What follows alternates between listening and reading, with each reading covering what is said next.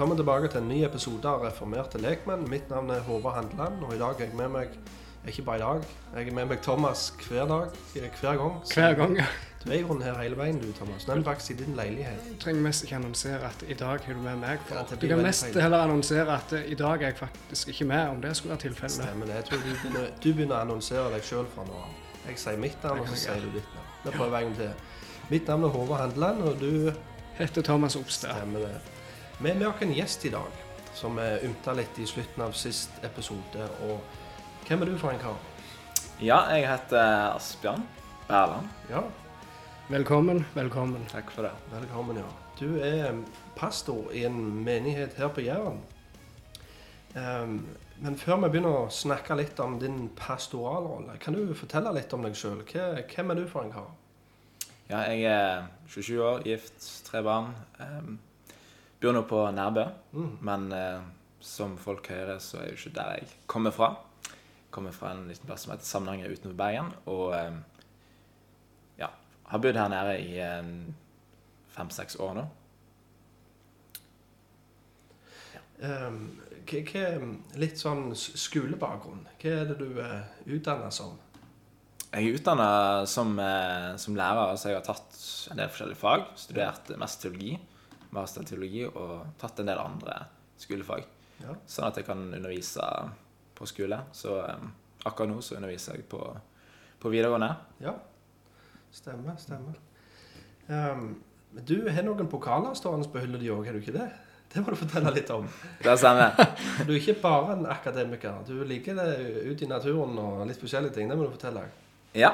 Jeg eh, bodde før i Bergen og eh, kom jo fra eh, et eh, område med ganske mye fjell.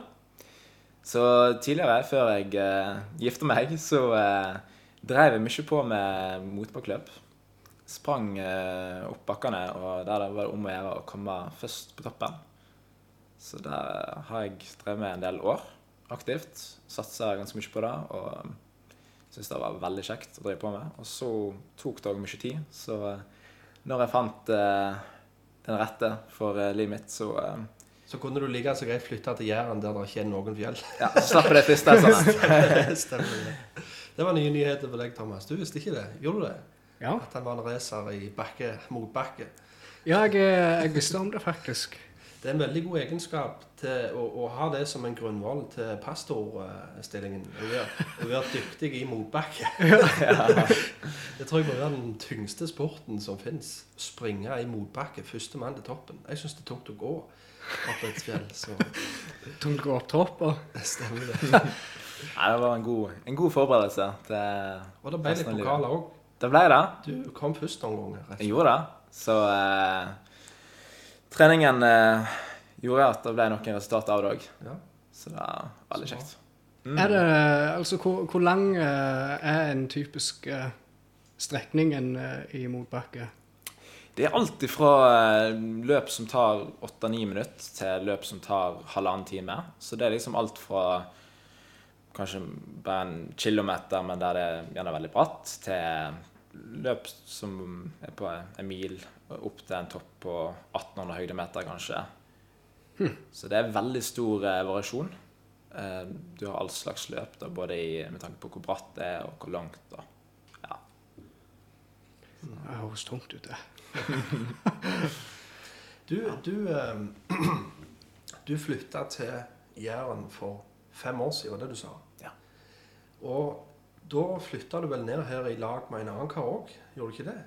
En som heter Martin Gjelvik. Og han skulle vel òg ha vært her i dag, men eh, han måtte ut på noe. Men vi har deg med oss. Og da er mitt spørsmål hva var det som gjorde at eh, to unge karer fra bergensområdet flytta til, til Jæren?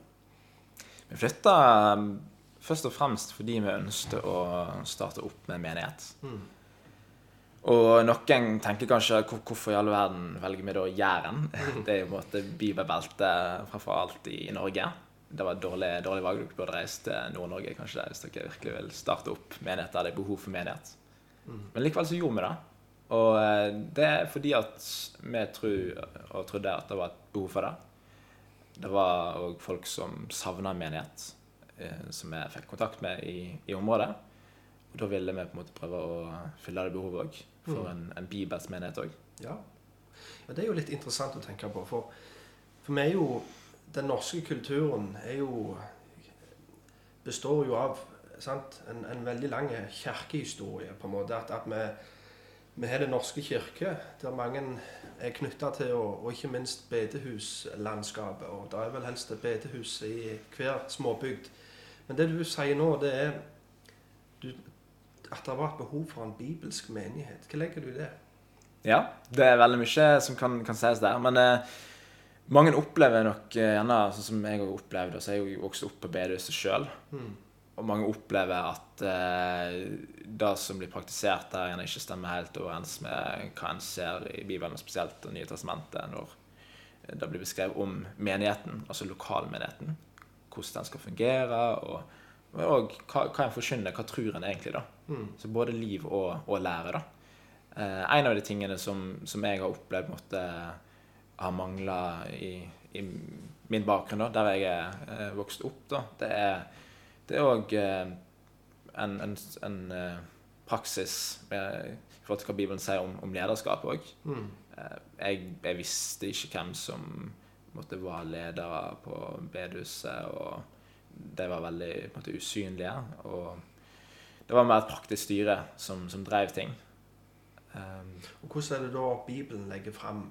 Hvordan skal et styre se ut da? Mm. I Bibelen så ser vi at det er antatt at en skal ha eh, et flertall av eldste. Det er noe som, altså I tidsbrev for eksempel, så, så står det om at det, det, er noe som mangler hvis en ikke ennå har innsatt eldste i, mm. i flertall. Eh, og det, det, er menn som, som, det da skal være, som skal være kvalifisert til oppgaven, som har et spesielt åndelig ansvar for å følge opp menigheten, for å forkynne og undervise. Um, og har på en måte et hyrdeansvar. Altså hvis en ser for seg det bibelske bildet med at, uh, at en er sauer, og så uh, trenger en hyrde til å passe på den flokken. Hva, føler du liksom Hvorfor kan en ikke bare ha det sånn som en har det nå? Hva, um, Føler du at uh, hva, hva er galt med bedehusstrukturen? Er ikke, ikke det greit nok? Mm. En av de tingene som jeg har opplevd eh, med den strukturen, det er at eh, det er veldig uklart hvem som har, har ansvar òg. Ja. Eh, hvis en har tilfeller der det er der det er folk som altså de, En bekjenner seg som kristne, men så, så er det synd i livet som jeg ikke ønsker å ta et oppgjør med. Så Det er ting som virkelig bør konfronteres med. Og da er Bibelen veldig klar på, selv om det er kanskje noe som er ganske ukjent for mange i dag, da, at det er noe som vi kaller det menighetstukt. Noe som egentlig bare innebærer at hvis en kaller seg kristen, en fortsetter i synd, tar ikke oppgjør med det, en vil ikke omvende seg, en vil fortsette i det, så skal en òg si fra til vedkommende. se si først ifra én eh, til én, og så ta det videre derifra. Mm. Og, og, hvis en heller ikke har noen tydelige åndelige ledere, og det er på en måte ikke tydelig eh, dette er én lokalmenighet, så blir det alt det der veldig uklart òg. Da kan du ha, sånn som en òg ser både på bedehus, men òg spesielt i byforsamlinger, der det er ungdomsmøte òg, der folk bare stikker innom. Folk er innom et ungdomsmøte, folk er innom på bedehuset der, fordi da, var det den misjonsorganisasjonen som, som, hadde møte som de liker. Eh, men det er på en måte ingen tydelig, tydelig forståelse av at dette er på en måte lokalmenigheten som avgrenser der, og her har vi tydelige ledere. Da, da, blir det veldig uklart. Hvem er det som har ansvaret for å følge opp det? Mm. Ja, for du, du, bruker ord som lokalmenighet nå. Hva, hva, vil du si er forskjellen på en lokalmenighet og den universelle menigheten? For mange vil jo si at ja, ja, vi har jo alle Menigheten, det er oss. Og der vi samles, der er menigheten. Hva vil du si til et sånt utsagn? Ja, med alle deler av universalmenigheten på den måten at alle som virkelig er kristne, vi er en del av eh, Kristi kropp, og vi er brødre og søstre. Men samtidig ser vi i Bibelen at det blir beskrevet at det er menigheter på ulike plasser. Og, eh, og da er de samla nettopp på de plassene der. Eh, og det er tydelig òg i Bibelen at en ser at de som er samla på de og de plassene, de har menighetssamlinger. Og der er det eldste som òg har, har, eh, har, tilsyn med dem. Så det, det er en forskjell der, da. At eh, det er tydelig definert at der har vi en lokalmyndighet, og da er det tydelig hvem som har ansvar for, for hvem òg, da. Ja. da, da hvis, en, hvis en ikke har det konseptet, som, som er ganske tydelig i NT, så, så ser en at folk tar ikke ansvar, og folk kan måtte fort leve som de vil. da. Var dette her ting Altså, det, det som du føler ikke blir tatt så på alvor um, i Bibelen, de her pastoralbrevene, sånn, første, andre Timoteus og Titus, var dette her ting som du tok opp med um, lederskikkelser på bedehuset du vokste opp i? Er det dialog som, som Er det spørsmål du har stilt de her folk, og hva, hva tilbakemelding fikk du da? Jeg er usikker på om jeg tok det opp eh, på mitt lokale bedehus eh, akkurat når det kom, på, kom til det med bibelsk eh, menighet. Tatt det opp andre plasser. Og det er nok jeg, jeg tror nok at mange opplever det som litt sånn ny, ny tanke på en måte, fordi at en er så vant til sine tradisjoner, og en tenker fort at tradisjoner er det som er det bibelske. Det er på en måte det som er riktig, det som er trygt. Mm.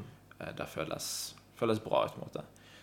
Så for mange så er det vanskelig å snu den når, når det er måten han har gjort det på hele tida. Så har han kanskje ikke studert så mye hva Bibelen sier om det sjøl. Men, men jeg, i diskusjoner med folk på bedehuset òg, så har jeg hørt litt sånn argumentasjon om at, at uh, struktur det er på en måte bare uh, rekkverket, og det viktige virkelig, det er liksom Det er på en måte ja, evangeliet, det er på en måte læren. Men, men Bibelen har jo òg en lære om nettopp lokalmenigheten. Altså det er noe som blir sagt om hvordan en skal organisere seg, som eldste og diakoner osv. Og, jeg tror mange bare hopper bukk over det. En tenker liksom ikke at dette er noe vi faktisk også må ta på alvor. Ja, det er litt interessant å tenke på, for mye av det som vi leser i brevlitteraturen i Nytestamentet, det er jo menighetsliv. Hvordan skal leve i sammen i, i menigheten. Og nå har vi jo holdt på å gå litt gjennom Titusbrevet i, i um, menigheten vår. Og da er jo nettopp det litt av poenget, at uh, første kapittel handler litt om hvordan hva kvalifikasjoner Gud har stilt til et lederskap for en menighet. Og så i kapittel to så går han videre og snakker om hva Guds vilje for menighetslivet Medlemmene av menighet, hvordan skal de leve til behag for Gud? Og siste kapittel snakker om hvordan skal ledere og menigheten leve i møte med verden. Så, så ja. Jeg, jeg tror nok òg at mange, eh, når vi kommer til bedehusene i hvert fall, mange eh, bedehus, altså måten de er organisert på, er veldig resultat av, av historien òg. At eh, bedehus det er jo noe som vokste fram i, i en relasjon med, med statskirka. Sånn at den har jo på en måte nærmest alltid vært der i, i Norge. sant? Og en var vant til å gått i kirka på søndagene. Også på 1800-tallet så begynte en å få noe som heter bedus, med etter Hans Nissen Hauge sto fram, og, og andre lekpredikanter sto fram, fordi en ville òg samles utenom bare søndag formiddag. En ville òg samles på kveldene. Eh, ha enda mer. Eh, og da var jeg vant til, og så fungerte det på en måte noenlunde bra, følte nok mange. Men så opplever en gjerne nå, da, når, når mange opplever at en, en kjenner seg fremmed i, i statskirka nettopp pga. utviklingen den liberale utviklingen i statskirka, så danner på en måte forsamlinger. En, en vil på en måte, mange vil ta litt avstand fra statskirka. Men jeg veit liksom ikke helt hvordan skal en gjøre dette her, mer enn at en fortsetter nå bare å arrangere møter. da. En har jo ulike misjonsorganisasjoner, og de har sine møteveker og, og sånne ting. da, Og da, da fortsetter på en måte bare den tradisjonen videre. da. Hvis det er folk som sitter nå og hører på dette her programmet, og de tenker på ja, vi òg har bare et lokalt bedehus. Det som vi ser i pastoralbrevene i Timoteus og Titus Ja, vi, ser ikke det her. Vi ser ikke det på det lokale bedehuset vårt. Det er ingen tydelige lederskikkelser. Det er vitnesbyrdet du forteller det. Jeg tror det er også mange som sitter og hører på dette her også, som sitter med den samme følelsen. De vet heller ikke hvem de skal gå til. De syns òg at lederskapet er veldig usynlig. Og da lurer jeg på Som et lite For å strekke ei hånd ut til. Hvordan, hvor begynner hva, hva skal de gjøre? For, for det er mange ganger iblant de unge som, som kanskje kjenner på de her eh, tingene her. Og, og de, de spør spørsmålet Jeg har fått det spørsmålet Hvor begynner vi hen? Vi har lyst til å ha en bibelsk menighet. Vi har lyst til å gjøre det sånn som det står i Skrifta. Hva gjør vi? jeg tror noe av det viktigste å tenke på at en ikke bør gjøre, er å, er å gå ut i altfor stor ungdomsiver og, og på en måte erklære at nærmest alt det gamle gjør, gjør på, er feil, og nå har jeg sett hele sannheten. Og det, det er lett å, måtte bli litt sånn Når jeg først har sett noe, sant, så kan jeg fort eh, bli nesten litt for overmodig. Og jeg, jeg har vært der sjøl. Litt for litt for overmodig og eh, ikke tenkt helt gjennom hvordan det skal gå fram. Da. Så, så, jeg tror det er kjempeviktig å nettopp bevisst på det. Hvordan går en fram? da? Hvis en, hvis en tenker at en ønsker noe, en ser noe i Bibelen, sant? en ønsker en endring, så er det ikke automatisk sånn at andre som er vant med sine tradisjoner, bare automatisk ser det du ser, og automatisk godtar det og tenker OK, da gjør vi selvfølgelig da. Det er jo helt, helt tydelig, selv om det er tydelig for deg, og det er egentlig tydelig i Bibelen. Ting tar tid. Og jeg tror at det er veldig viktig å være klar over. Eh, men hvis en er klar over det og prøver å ha et ydmykt sinn da, Ok, dette har han sett i Bibelen. En, en ønsker å være ydmyk og, og, ha tålmodighet. Så tror jeg det er veldig viktig at en, en, en kan, kan, begynne altså der en er, da, hvis en er en del av et bedehus, så kan en begynne med en del spørsmål. Eh, ikke spørsmål som på en måte nå skal en være ute etter å ta andre. En del kan oppleve det hvis en hører en, spør en del spørsmål, så kan du bli veldig på defensiven. Veldig sånn 'Nå skal jeg forsvare meg', og, og sånt. Men, men, hvis en heller prøver litt åpne spørsmål og, og prøver å snakke sammen om det, så er en eh, langt på vei, da. Mm. Og så vil en på en måte se gradvis eh, Er det her som, som leder, er de virkelig interessert i å høre hva Bibelen sier, eller, eller han, har en på en måte kjørt seg fast det et spor, da? Mm. Og har en kjørt seg fast det et spor, så må jeg på en måte vurdere er dette noe en kan bygge noe videre på, eller, eller er det bedre å, å heller ta en annen vei og starte noe for seg sjøl? Ja. ja. for det tror jeg er en veldig aktuell ting. At, at jeg, jeg, tror at det er en del ungdommer som er, er nettopp i den prosessen at de, de har fått opp øynene for dette her, hva Bibelen sier om hvordan menighet skal drives. Og de er i dialog og har kanskje vært det over lengre tid med det lokale bedehuset og med de eldre. Men de føler det at det, det er stengt dør. Og da er jo litt som du var inne på på slutten, at det, da må en kanskje tenke på om en skal faktisk starte en menighet sjøl. Og da lurer jeg på hvordan, hvordan begynner? Hvordan begynte dere to? Hva var det dere tenkte måtte ligge til grunn for det å faktisk starte en menighet? Vi starta med litt studier sammen, altså jeg og, jeg og Martin, da. Mm. Og uh, prøvde å studere enda mer i Guds ord både om hva Bibelen som om menighetsorganisering, men òg ellers som det meste. da. Og Det er en svær oppgave, men jeg tror det er viktig at den, at den altså Det er jo grøfter å gå i på begge sider. På ene side kan du gå altfor kjapt ut og tenke at en, en, er klar for alt og nå kjører en i gang med alt og blir litt overmodig. Og andre grøfter er å på en måte aldri komme seg ut av startgropen fordi at jeg må på en måte kontroll på alt. Jeg må på en måte kunne alt og vite svar på alle spørsmål i byen før jeg kan starte. Så jeg, jeg tror det, det beste er å starte med å samles. Samles gjerne bare enkelt i hjemmene. Mm. Så det trenger ikke begynne med et lederskap? Mm. Jeg tror det er veldig Du ser jo f.eks. i Titusbrevet at der hadde jo tydeligvis noen forsamlinger, ja. men det gjenstår ennå um, å innsette eldste. Så jeg tror jo at naturlig start er ofte bare samles. Samles på en søndag eller en annen dag i uka. Samles om ordet, synger sammen, ber sammen, ha godt fellesskap. Og så tar det litt derifra og snakker sammen om de tingene her, og så gradvis eh, snakker sammen om hvem kan være kvalifisert til en sånn oppgave. Mm. Ja, veldig interessant. og jeg vil bare si òg, hvis det er folk som har spørsmål rundt menighet, spørsmål rundt eh, Dere er kanskje midt oppi en sånn situasjon, dere som hører på nå, og lurer på hvordan skal gå fram, og sånn og sånn. Send gjerne inn noen spørsmål, så, vi, så, kan vi sende noen gode ressurser. og Vi kan gi, gi noen anbefalinger til bøker du kan lese. Og, og bare som en liten sånn sidenote. Um, ja. Dere flytta til, um, til Jæren. Hvor var det dere holdt til til å begynne med? Det var en ganske stor utfordring å uh, finne plass å være. Ja. Vi var litt i heimene og sånt. Og Det er jo en veldig god mulighet. vil jeg bare si for alle som tenker på det at Mange antar fort at uh, du må ha et lokale, og sånt, men nei, det må du absolutt ikke. Førstekristne samles først og fremst i heimene. Og det er en veldig god uh, måte å samles på òg. Men vi samles vi, vi, prøvde ulike bedehus og ja, fikk litt avslag på det. Opplevde litt at det var ikke rom for oss der, da. Og så fant vi etter hvert andre lokale og har bytta litt lokale eh, de, de, de siste årene. Um, ja, og nå er vi på Bryne Jernhotell. Ja.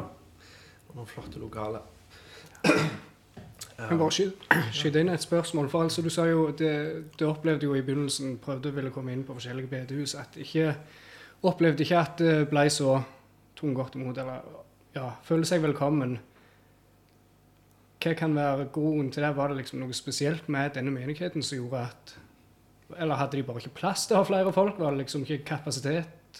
Det er noe god plass. Det er mange bedehus på Jæren, og, og eh, det er ikke alltid så, så mange møter. Det var ikke alltid vi fikk et uh, tydelig og ærlig svar på det når vi òg spurte. Men uh, det gikk jo uh, kort fortalt ut på lære, på teologi, med ikke lutherske. De fleste bedehus på Jæren er lutherske, og en del òg har på en måte i, statu i statuettene for, for bedehuset at her skal det bare være luthersk virksomhet. da. Så alle som ikke har akkurat den teologien, er per definisjon ekskludert fra å ha møte der. da. Så det er på en måte grunnen, da, og, og en del kan, kan være redde for det som på en måte ikke er, er Luthers. da. Mm. Ja, dere, du sier dere ikke er lutherske. Hva, hva slags navn, eh, hva for en fane er det det går under? Ja. Utfordringen med alle merkelapper er jo at eh, folk kan forstå mye forskjellig med merkelapper. sant? Så, så vi vært litt forsiktige med det, og, og på en måte være veldig tydelige med merkelapper. Eh, mange kan fort misforstå ting da. Eh, og som, som sikkert de fleste, så ønsker jo selvfølgelig vi òg bare være bibelske. Eh, men men eh, hvis jeg skal på en måte ha en mer merkelapp som, som rett forstått passer mer med oss, da, så er vi egentlig reformerte baptister. Så vi har et baptistisk dåpssyn. Vi tror at eh, dåpen er, er for de som, som eh, bekjenner trua. Og så er det i, i full nedrykkelse. Og så er vi òg reformerte, som innebærer bl.a. at vi, vi setter Gud i sentrum for alle ting, og, og tenker at Gud er, er den som skal være sentrum for alt vi gjør. Gud, Guds ord skal bestemme hva vi skal tenke om, om alle ting. Og, og Guds ære er òg helt sentralt. At alle ting skal skje til hans ære. Gud er nykjær for sin ære. Eh, Det betyr virkelig noe for Gud. Eh, Vi er kalt til å ære Han i våre liv. I både liv og, og, og lære. da. Ja, Det er ikke bare et lett spørsmål å liksom oppsummere. Nei Ja, Det må jo på en måte oppsummere hele teologien din bare med noen få- få korte Ja. ord. Det er gjerne ikke lett alltid. Uten at du blir veldig unyansert. For, for det er jo sjeldent at en hel lære kan bare oppsummeres med noen få setninger. For du har jo en overbevisning om hva, alle, hva, hva Bibelen sier om absolutt alle temaer. Og, og da tar det fort litt tid. Så Ja, når dere da Hva skal du si eh, Jeg vet ikke om vi skulle eh, Hadde vi noen flere tanker rundt dette her med den reformerte lærer, Thomas? Eh, Det, det, er jo, det er jo nytt i Norge, kan vi si. Men ikke nytt historisk sett. Hva, hvis du skal spore igjen en sånn rask historietime, hvordan For det kalles vel eh, Ja, igjen, nå, nå er det tilbake til merkelapper og sånn, men det, det er ikke for at en sjøl ønsker og, og syns det er veldig spennende å, å hete noe, men, men det, det går vel under navnet i dag ny kalvanisme. Og er det for at det er noe nytt? Eller hva, hva, hva ligger der i det ordet der? Begrepet nykalvinisme har mer kommet fordi at kalvinisme, som er en kristen forståelse, eh, har fått en slags renessanse de siste ti årene. Altså det, det er blitt mer og mer populært, spesielt i USA, men òg i, i, i resten av verden. Eh, og, og i navnet så kommer det jo etter Jean Calvin. Og det går jo Altså, i bunn og grunn så handler det på en måte òg om at man setter Guds suverenitet høyt. Altså hvis vi tenker på hvem er Gud, så ser en i Bibelen, altså etter vår forståelse, ser en en Gud som både er veldig, altså bryr seg veldig om, om sin egen ære og blir ært i alle ting. Alt skjer for hans skyld. Det handler ikke, altså det er ikke, det er ikke en menneskefokusert teologi, sånn som mye av forkynnelse i dag kan være. Det er ikke fokus mest på ditt liv og hvordan du skal lykkes, men det er fokus på Gud, først og fremst. Det, det er teosentrisk på den måten. Og så ser han òg i Bibelen en, en Gud som gjør som han vil òg. En Gud som er eh, absolutt suveren. Som ikke mislykkes i det han ønsker å gjøre, men som utretter alt han vil. Så ingenting er umulig for, for Gud. Gud er ufattelig stor. Og vi som mennesker, vi er faktisk veldig små. Og, og da, da setter det veldig perspektiv over livet. Og jeg har opplevd det sjøl når det på en måte har, gikk opp for meg når jeg gikk på bibelskole og sleit med disse vanskelige spørsmålene sjøl. Så ble det en utrolig rikdom for meg å se hvor stor Gud virkelig er. Mye mer større enn hva jeg kan forstå med min lille forstand. Men uansett, jeg må på en måte erkjenne alt som Bibelen taler om, om Gud. da. Ja, som det heter nykalvanisme, eller det har den merkelappen, så, så, så er det ikke noe som er nytt. Men, men du snakker litt om at det kan spores tilbake til reformasjonen for eh, 500 år siden, holdt jeg på å si. Og, og hvis vi skal liksom sammenligne litt det som Calvin lærte, og det som Luther sjøl lærte, var det veldig store forskjeller eh, på de essensielle punktene mellom de to. For vi er jo veldig der at vi sammenligner det lutherdom er i dag, med det kalvinisme er i dag. Men hvis en skal gå lenger tilbake til det faktisk Luther lærte, og sammenligne med det som Calvin lærte, hvor, eh, hvor vil du si hovedforskjellene er mellom de to? Ja, det er et veldig godt poeng du har eh, trukket fram der. Fordi at eh, veldig mange vet ikke hva, hva Luther faktisk lærte, men en, en har sine sterke meninger kanskje som en lutheraner da, og tar det som selvfølge. sånn og sånn. Når det kommer til Luther og Calvin Calvin satte veldig pris på Luther sjøl.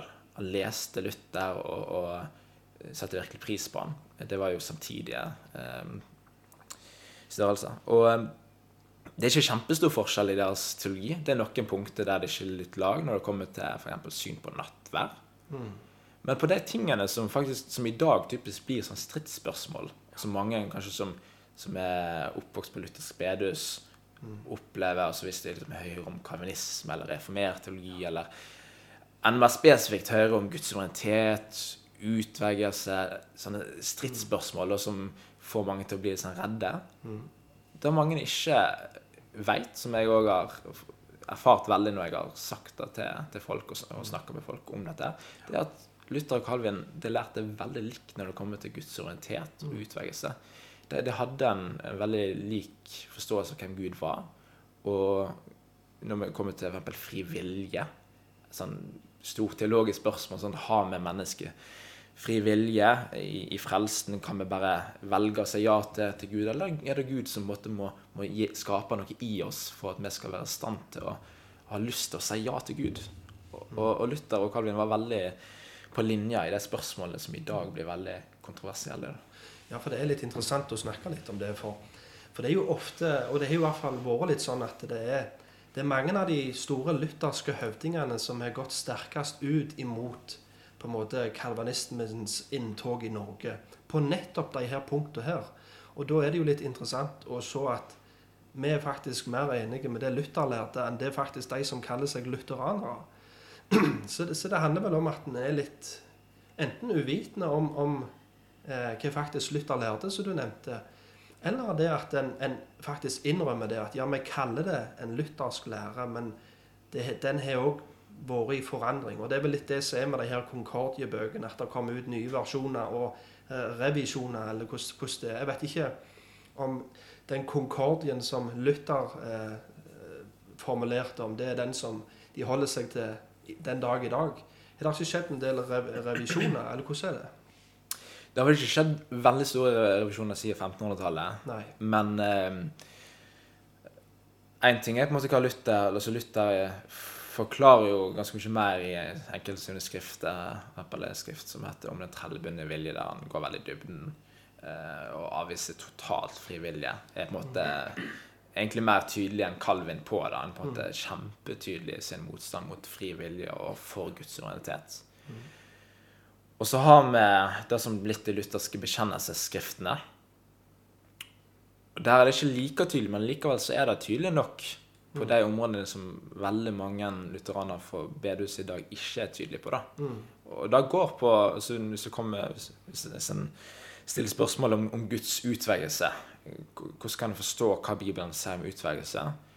Da er òg de lutherske bekjennelsesskriftene ganske tydelige på at Gud har utvalgt noen til frelse.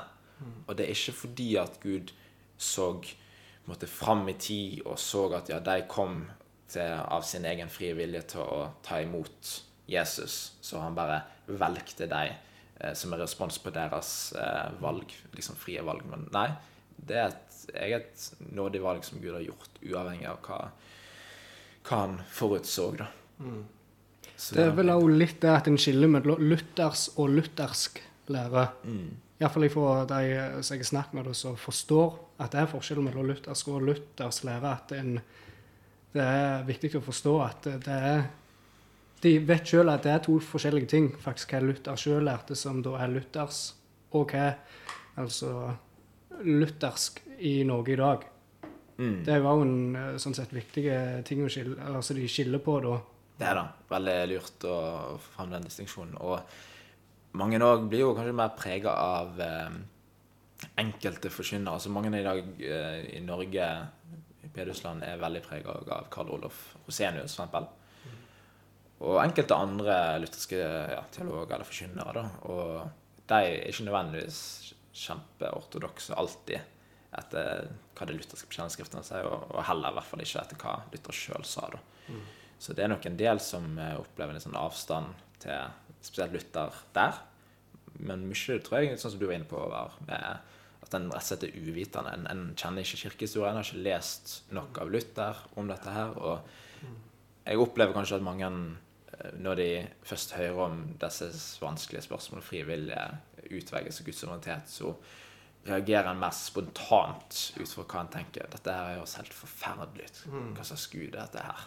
Tenker en. Jeg vet ikke hva, hva som deres erfaring men min, min erfaring er at de aller fleste som virkelig har lest opp på det, leser opp på kirkehistorien, leser opp på reformert teologi og nykavinisme, de, de er som regel ikke så skeptiske. Det, det, det, den største motstanden den er som regel, etter min erfaring, fra de som vet minst. Ja, jeg, vil, jeg vil si meg enig i det. At, at eh, en, en, vi, har hørt, vi har jo hørt nok av uh, rykter som har gått, at, eh, og der er den der menigheten er de som velger ut hvem som kommer til himmelen. Men Det er jo ikke det det er snakk om i hele tatt. Men det er jo at Bibelen snakker jo om tema utvelgelse og utvalgt blir jo brukt. Og spørsmålet er jo hva, hva betyr det? Hva, hva er det Bibelen mener når han snakker om at dere er blitt utvalgt i Kristus før verdens grunnleggelse av? Og sant, I apostelens gjerninger så står det og så mange som var bestemt til evig liv, kom til tro. Og så har vi denne kontroversielle kapittelet i Romerbrevet, Romerne 9, der òg temaet utvelgelse blir tatt opp. Så, så det er jo ikke på en måte et tema som er prest inn i Bibelen.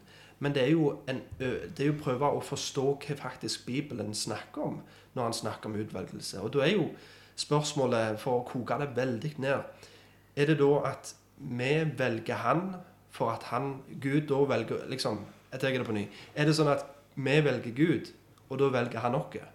Eller er det at vi velger han pga. at han først har valgt oss? Så det er liksom der, Hvor plasserer du den? For, for å gjøre det veldig simplifisert. da. Men for at dette her ikke skal bli en sånn svær utvelgelsespodkast, så, så tror jeg vi går litt videre. Men jeg, det, jeg tror det er et viktig ting å touche innom og, og ja, snakke litt om, så folk forstår litt, litt hva det går i.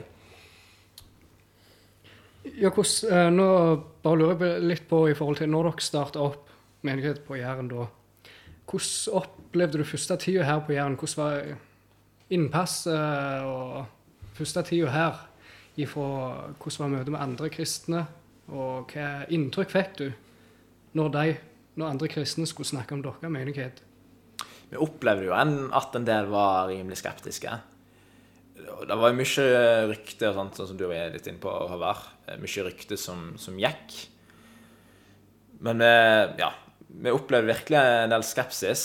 Eh, Folk var veldig kritiske, og folk visste jo ikke helt hva vi sto for, og, og sånt òg.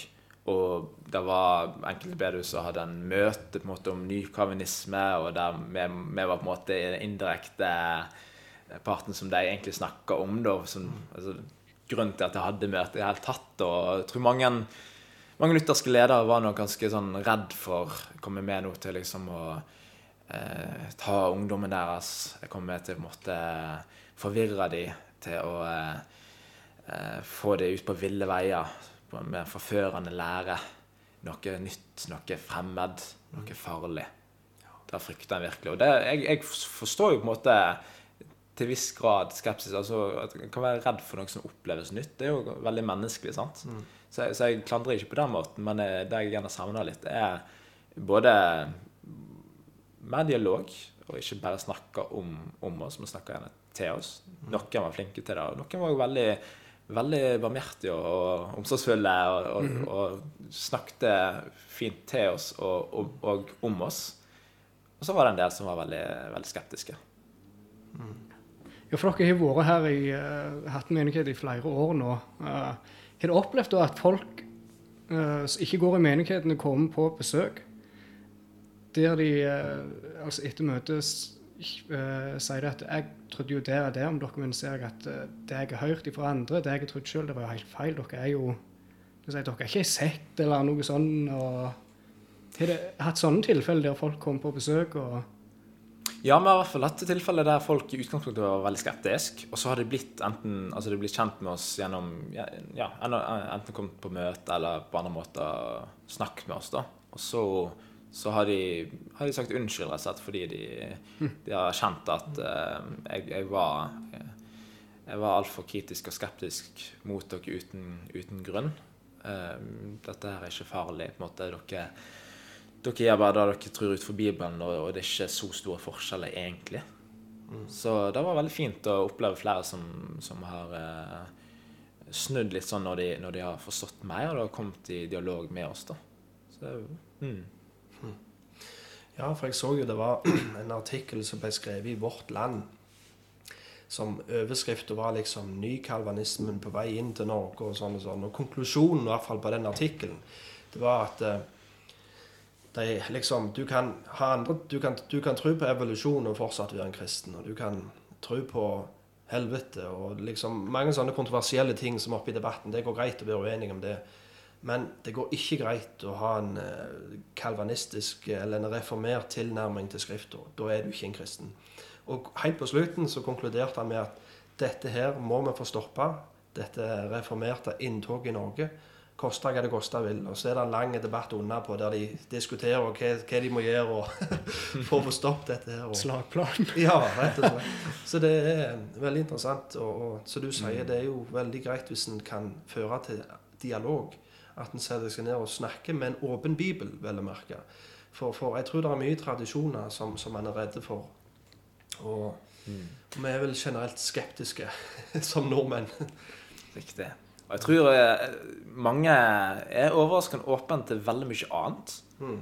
Det er iallfall min erfaring at uh, det er mange i bedehuskretser som, altså, som, som, kan akseptere veldig mye annet som egentlig går veldig imot både deres tradisjon og bekjennelsesskrifter, enn en, eh, veldig åpen for veldig mye karismatikk, altså mer ekstrem karismatikk. Eh, en er åpen for andre, andre innflytelser òg, da. Mm. Uh, og, og, de får gjerne ikke så mye kritiske spørsmål eller sånt. Uh, men, uh, men, så er det mer i møte med reformert teologi. Jeg, jeg, tror det går mye på misforståelse. Mm. Jeg tror at setter vi oss ned sammen med en åpen bibel, så vil den skepsisen mye lettere forsvinne. Mm. Uh, og ikke fordi at uh, jeg eller Martin eller noen andre er så flinke til å bare manipulere folk og liksom få mm. folk til å, til å, tenke Eller på en måte ufarliggjøre noe som egentlig er ganske farlig. Men det handler slett om å se med åpne øyne sammen uh, på, på, Bibelen, hva Bibelen mm. sier, og, og, prøve å forstå hverandre. Jeg, jeg, forstår veldig godt hvorfor andre tenker annerledes i disse spørsmålene. Og jeg har virkelig satt meg inn i hva de tenker, og hvorfor. Mm. Og det gjør jeg nettopp fordi at skal jeg si noe om de tingene her, skal jeg ha en mening om det, så må jeg òg forstå hva andre tenker, og hvorfor. Og da, da, forventer jeg egentlig litt av de andre at de, de i hvert fall bruker litt energi på å prøve å forstå eh, min posisjon òg. Mm. Stemmer det. Eh, det vi holder på å snakke litt om nå, er vel i grunnen litt sånn Hvilke utfordringer dere møtte når dere kom ned her til, til Jæren for å starte menighet. Og det var vel ikke bare på den fronten det ble litt motgang. Um, det ble òg litt Det ble faktisk landkjente over natta.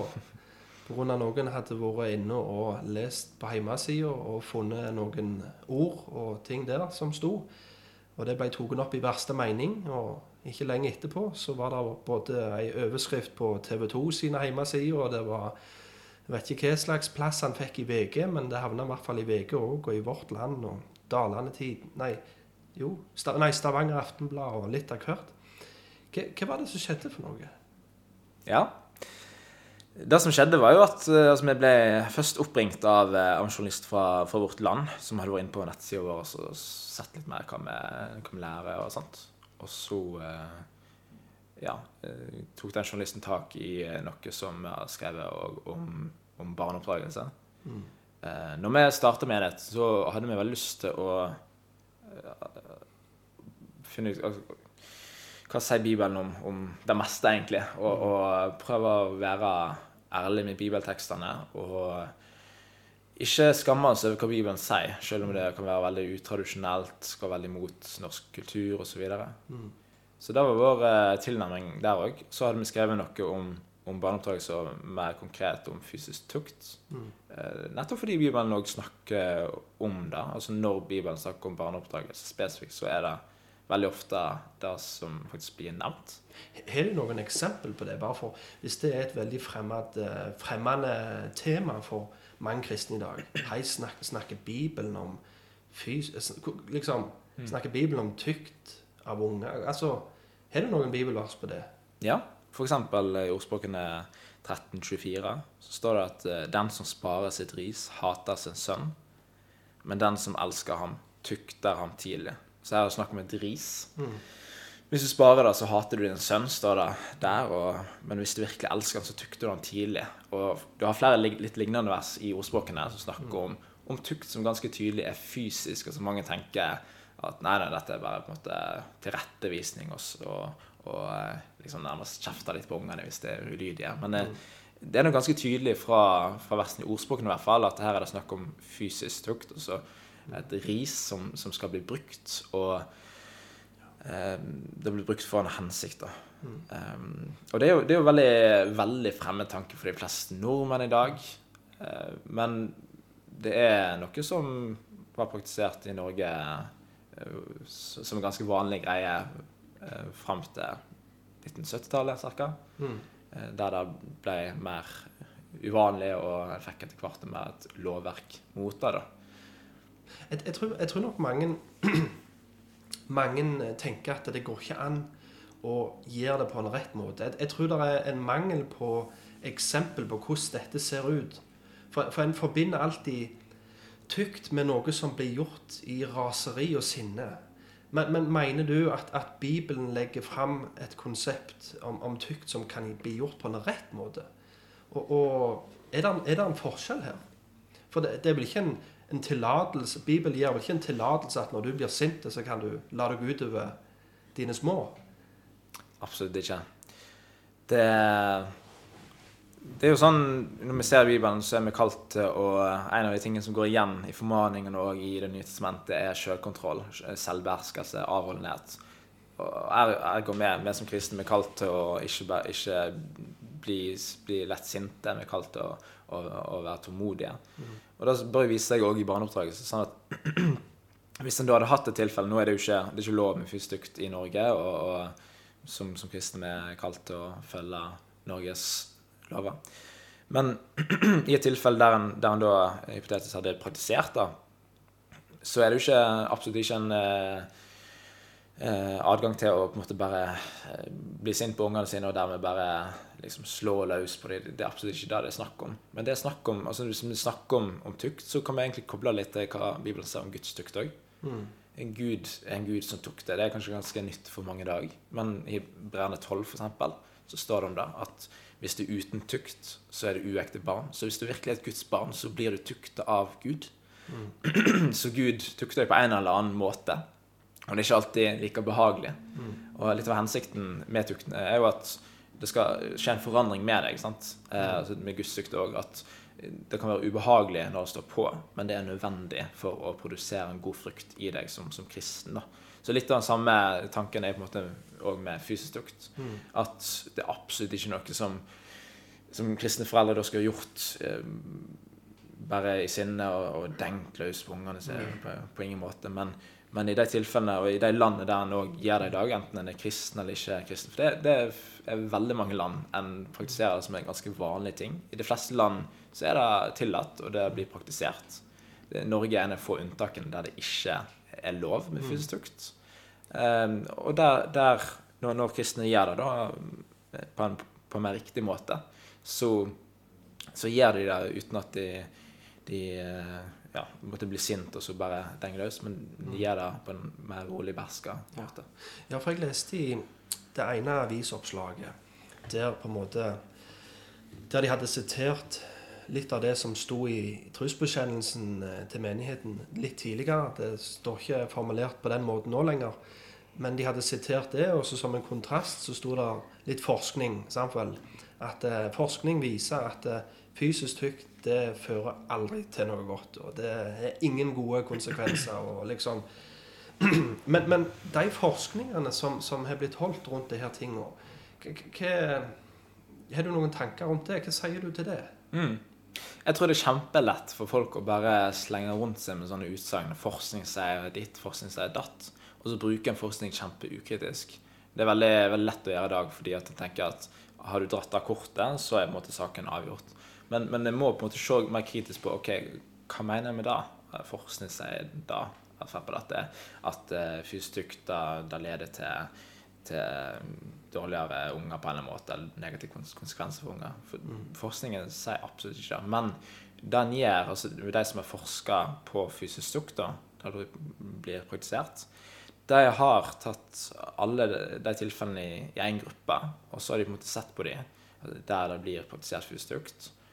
Og det er jo en, en sannhet, det er dessverre en sannhet i dag at det er kjempemange som praktiserer fysisk tukt på en veldig usunn, dårlig måte. Så de har ikke skilt mellom de som har gjort det eh, på en veldig bevisst kristen måte, med beherskelse, og han har gjort det som en bevisst oppdragelsesmetode fordi han er overbevist om det ut fra Guds ord, og han, han gjør det med beherskelse, og han gjør det fordi han er glad i ungene, og han snakker godt med ungene og har veldig omsorg med dem. Men han har på en måte tatt dem eh, kristne som gjør det på den gode, riktige måten, sammen med en svær gruppe av folk, eh, foreldre, som nettopp denger løs på ungene sine, som ikke har blind, kontroll. blinde vold, rett og slett. Ja, som, som bare bruker fysisk tukt som en måte til å få ut sitt sinne.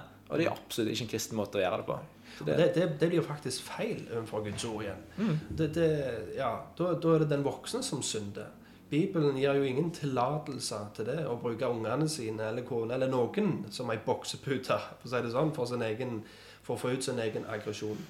Så, så det, er også, det er veldig unyansert. Det er i grunnen det du prøver å si, denne her forskningen.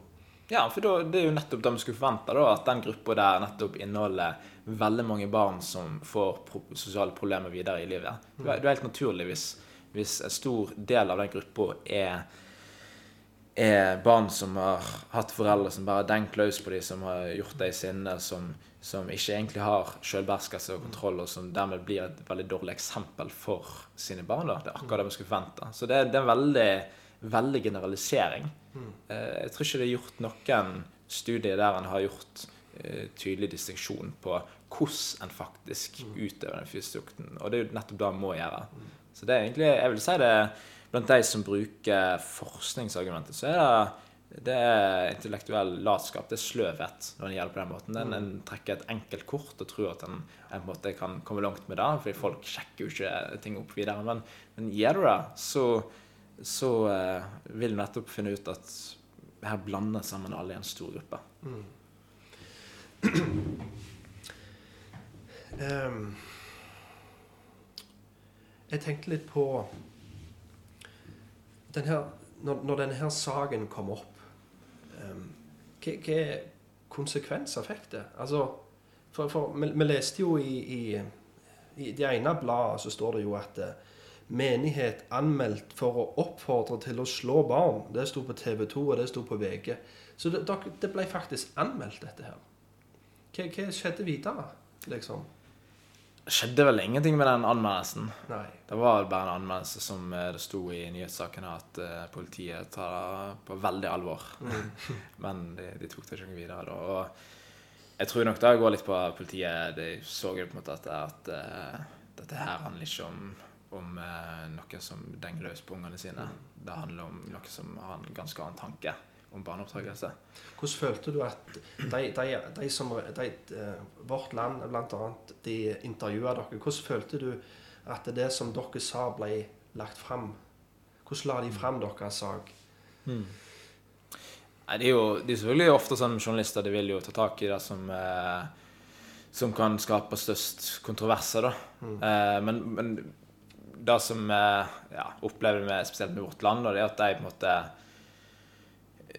Etter de først har gjort et intervju med oss, så eh, tar de kontakt med eh, Hvem var det igjen? Barne... Du har en sånn eh, funksjon, offentlig funksjon i Norge i dag. Barne... Og likestillingsminister. Nei, ikke minister, men eh, iallfall eh, måte den offentlige personen som har på en måte det overordnede ansvar måte, for barns rettigheter okay. i dag. Da, og, og, eh, og, og dermed fikk jeg på en måte med en gang en overskrift eh, at ja, hun anmeldte og eh, sånt. Og så det var på en måte rett på med det at de snakket med henne. og ja. Så det var på en måte deres tilnærming til det, å prøve å skape mest kontroverser. og Hvor, hvor står menigheten sånn offisielt i dag? Hva er på en måte budskapet utad i dag når det kommer til dette temaet? Mm. Budskapet er jo først og fremst, som Kristin ble kalt, å følge, til å følge lovene i Norge. Eh, utgangspunktet for, for hvorfor det sto i vår trosbekjennelse us- i, først, eh, var jo at vi var ikke klar over at dette var noe som var, var så tydelig i eh, Norges lover. Mm. Fordi det kom òg mer klargjøringer noen år før denne saken her. Så det er jo ganske ny, ny greie at det var, var så tydelig presisert måte, hva en, hva en snakker om, hva som er lov, hva som ikke er lov. Ehm, så, så vårt budskap er jo selvfølgelig følg Norges lover. Jeg tror ikke dette er noe som eh, alle kristne må gjøre, at du synder hvis du ikke går, går fram på den måten her. Jeg tror du må gjøre helt riktig å tilpasse deg eh, lovene i det landet du bor i. Så det har vi virkelig kalt det. Og det har vi kalt til å heller oppdra ungene våre på på selvfølgelig Bibels måte, men, men uten, uten fysisk tukt, da. Eh, gjennom å være kjærlig og, og å være konsistente, da. Så ja, så vi oppfordrer dermed ikke noen til å utføre fysisk tukt eh, i Norge i dag. Så, eh, men jeg tror nok mange altså det, som er sånn, det er en uklarhet da, uansett, selv om det har blitt gjort innstramninger i, i lovene. En uklarhet som ja, som er ganske sånn vag, da, som, som gjør at eh, folk, altså foreldre, er litt sånn usikre på hva er egentlig lov. Fordi hvis en skal tolke den loven ganske strengt, så vil du da på en måte bare ta tak i, i armen til, til ungen sin fort kunne være eh, noe som er et brudd på, på loven. Hvor går grensene? sant? Så Det blir veldig subjektivt. det blir det. Og hvis noen vil tolke de lovene veldig negativt og, og eh, få inn politi osv., så, videre, så så eh, er det veldig lett å, å gjøre det hvis en vil tolke den negativt. Um, Hva, hva følte du Hvordan var det kristne landskapet? Hvordan, hvordan reagerte det kristne landskapet på, på denne nyheten? Var det sånn at de satt med sine bibler og så at ja, men altså, Bibelen sier jo, eller var det sånn at de tok rastparti med de som sto og heiv stein? Det var noen helt få som eh, var positive Eller ikke helt få, det var faktisk noen som var, var positive til, til oss som ga oss støtte. Eh, dere var jo noen av det. eh, så vi opplevde noen som måtte responderte, veldig positivt, og som, som støtta oss måtte, i, i, i stormen. da, Og så at her var det noe som, som eh, var villig til å stå for ting som var kontroversielt. Eh, så lenge det var bivers. da. Eh, men de aller fleste var ikke der, da.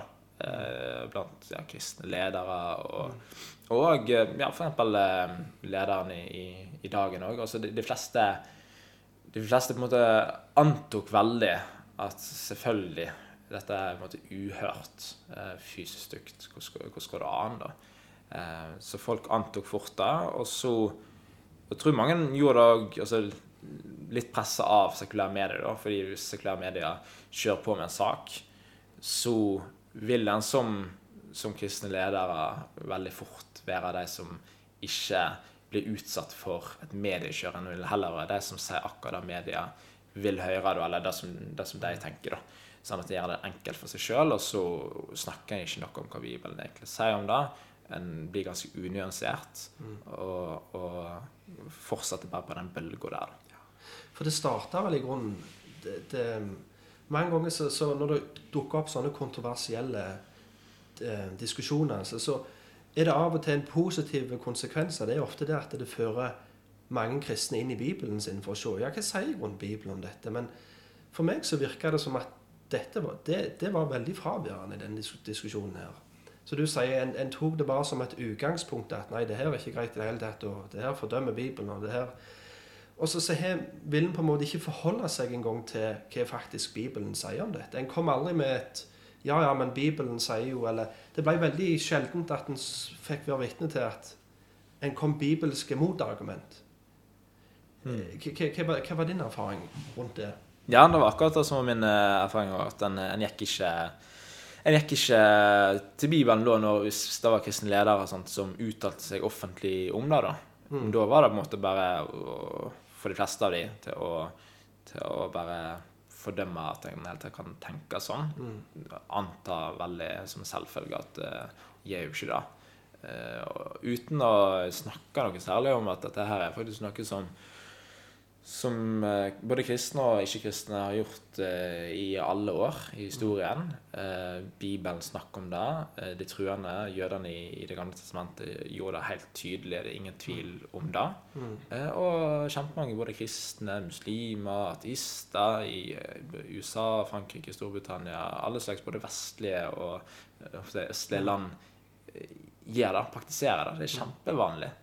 Ehm, men det virker av og til som, sånn som i en del andre saker òg, som at i Norge så, så, sitter vi på en måte i vårt lille hjørne av, av verden, og så veit vi best, og så er vi ganske ignorante overfor hva mm. resten av verdens befolkning egentlig tenker og praktiserer. da. En tenker på en måte at vi er kommet veldig mye lenger enn alle de andre, så en gidder i grunnen ikke se til de andre landene hvordan de praktiserer det engang. Vi lager på en måte våre egne lover og regler. og Folket generelt har en veldig høy tillit til staten Norge. Og derfor blir på en måte, Hvis staten sier noe, så er det sånn. Og en ikke, stiller ofte ikke spørsmålstegn med det engang. Og det er litt, litt sørgelig. I hvert fall når det kommer til det kristne landskapet, som burde ha Bibelen som sin autoritet og Jesus som herre. Og jeg merker fort at det viser seg ekstra tydelig på sånne kontroversielle temaer. Hvem som faktisk er herren din, og hva som er autoriteten din. Og, og det er jo klart, det, det, er jo, det er jo ikke akkurat det en har lyst til å lide for. Det er ikke det en har lyst til å bli kjent for. Mm. Menigheten som hadde noen kontroversielle tanker rundt oppdragelse. En har jo lyst til å lide for evangeliet. En har lyst til å få motgang pga. en holder opp korset og Jesu navn. Og, sant vel? Men, men, det er sjeldent i kirkehistorien at folk faktisk måtte faktisk lide for at de forkynte evangeliet. At det, de har ofte heller bare blitt kalt for de fikk blitt eh, sant, I romersk tid, med keiser Nero, sant, de fikk falske anklager om at de drev med kannibalisme. fordi de åt, drakk Herrens blod, og de åt hans legeme, og de ble kalt for noen kannibaler. På det grunnlaget så ble de sendt til løven. Så ofte opp gjennom kirkehistorien så, så, så, er det sjeldent at, at, en, at en faktisk, faktisk må ofre sitt liv, eller en blir hånt pga. en holder opp korset. En blir alltid noe, altså, en, en, må kjempe for ting som en skulle kanskje ønske at ikke var Det er liksom ikke sentrum. Barneoppdragelse er liksom ikke evangeliet. Det er ikke det du har lyst til å gå ned. Det er ikke den fjelltoppen du vil kjempe på. er du med? Men det er ofte det på sånne grunnlag de kristne får, får høre det, da. Mm, spesielt i, i, Vesten i dag så er det jo på en måte mer de kontroversielle stridspunktene som eh, blir, blir ekstra typisk fram i media.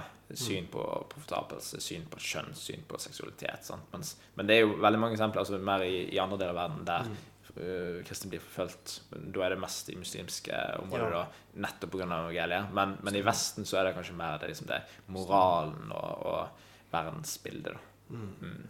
Stemmer det. Ja, det Det var ikke Målet med dette var ikke for å vekke et dødt lik opp igjen og banke en død hest, eller hvordan det ordtaket er.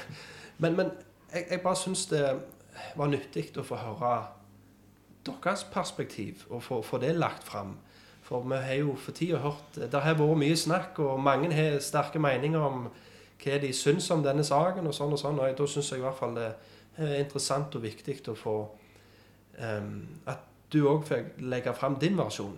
Em, Så det tror jeg kan være nyttig. Vi har fått vært innom mange interessante temaer i dag. Hva er en bibelsk menighet? Og litt forskjellige ting som jeg òg tror vi skal få snakke litt mer om i kommende episoder.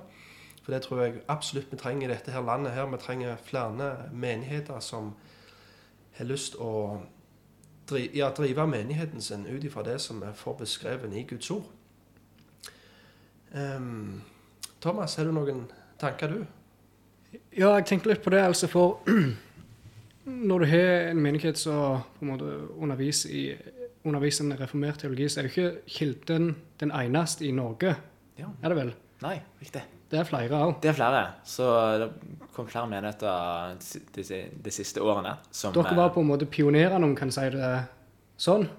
Vi var en av de første som organiserte oss mer som eh, egen menighet med, mer tydelig reformert teologi. Ja. Eh, ja. Og nå så er det vel kanskje en, en fire-fem menigheter som er ganske på linje sånn eh, læremessig der. Og der vi har en del eh, fellesskap med hverandre. og eh, setter pris på hverandre. Og, og, ja, og arrangere konferanse sammen, som skal også være i, i oktober. Så kan du reklamere litt for det. Mhm. Sammen for evangeliet, som skal være i begynnelsen av oktober, 3.-6. oktober, på Jæren hotell på Bryne. Så det er òg for alle som er interesserte, bare å sjekke ut uh, www.sammenforevangeliet.no. Der er det mer informasjon eh, om det. Og der er det òg Tema for konferansen er jo òg nettopp eh, Guds suverenitet, egentlig. Eh, de vanskelige spørsmålene som en ofte forbinder reformert teologi med. da. Så der kan en eh, få en mulighet til å få enda mer eh, innsikt i, eh, i hvordan vi skal forstå Bibelen. Ja, for jeg skulle til å spørre deg litt tidligere. Hvis en har lyst til å sette seg inn mer i de her forskjellige temaene, hvor går en da? liksom? Hvem kan en høre på? Men da er jo det en god begynnelse. Å faktisk kunne bli med, om det er en kveld og to, på den konferansen og få lagt ut litt av hva, hva her reformerte læreren hva går det i. Så det var en fin ting å ta med. Helt til slutt så pleier meg og Thomas å ha et lite sånn segment som heter Dagens anbefaling. Så vi hiver den over til deg, Asbjørn.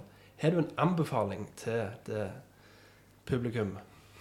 Anbefaling, tenker du da eh, Det, Som ta en, eh, menighetsrelatert, f.eks. Det her med bibelsk Mm. menighet, er det noen Mm. gode ressurser der? Noen gode anbefalinger der som du har? Hvis folk har lyst til å sette seg mer inn i det temaet? mm. Det finnes jo en rekke bøker om det. sant? Um, mye, altså Det meste er jo på engelsk. Mm. Uh, en veldig god bok, uh, 'Nine Marks of a Healthy Church', av uh, Mark Dever, Mm. som går på hva er en sunn menighet, hvordan organiserer den seg, og osv. Mm. Um, ja, så det er, en- det er en god mulighet. Men òg for de som ikke leser så mye, eller syns det kan være vanskelig å lese engelske bøker, og sånt, så er det òg kjempemye ressurser sant, som ligger ute både på YouTube og, og, og andre plasser. Um, Vi, vi, vi holder jo faktisk på å gå litt gjennom det nå Mm. i, i menigheten. Kilden menighet inne på YouTube. Da holder vi på å gå gjennom det ene pastoralbrevet Titus. Så, så der går det jo an å høre litt, f.eks. mm. For de som ikke er så teoretiske og vil heller bare ha noe på hjørnet, så det er en mulighet. Thomas, har du en eh, dagens anbefaling? Da, åh. Jeg må hive den over til deg først. Gi meg litt tid til å tenke. Ja, jeg, skulle, jeg, jeg hadde jo tenkt å anbefale Nine Marks, jeg òg. Jeg fikk nettopp den i eh, bursdagsgave av kona, så den holder jeg på å lese nå. Den syns jeg er veldig, en veldig god bok. Men eh, ja Dagens anbefaling. Ja, jeg vet ikke hva. Vi, vi, vi gir en dobbel anbefaling på den der til Asbjørn. jeg syns det var en del forskjellige gode anbefalinger. Der var det konferanse, og det var YouTube og, og ei bok der, så Vi gjør det enkelt, sier en trippel anbefaling. Vi sier en trippel. anbefaling. Stemmer det. Jeg setter veldig pris på eh, Asbjørn, at du hadde tid å komme. Og vi kommer nok til å få deg på flere ganger òg når vi skal snakke om temaer som eh, Ja, teologiske tema. Så, så fort som vi får deg på en gang til. Det var veldig gildt, å kunne komme. Ja, tusen takk for at jeg eh, fikk lov til å komme òg. Setter virkelig pris på, på det og på dere og podkasten. Veldig bra. Med det, med det så tror jeg vi sier på gjenhør. På gjenhør.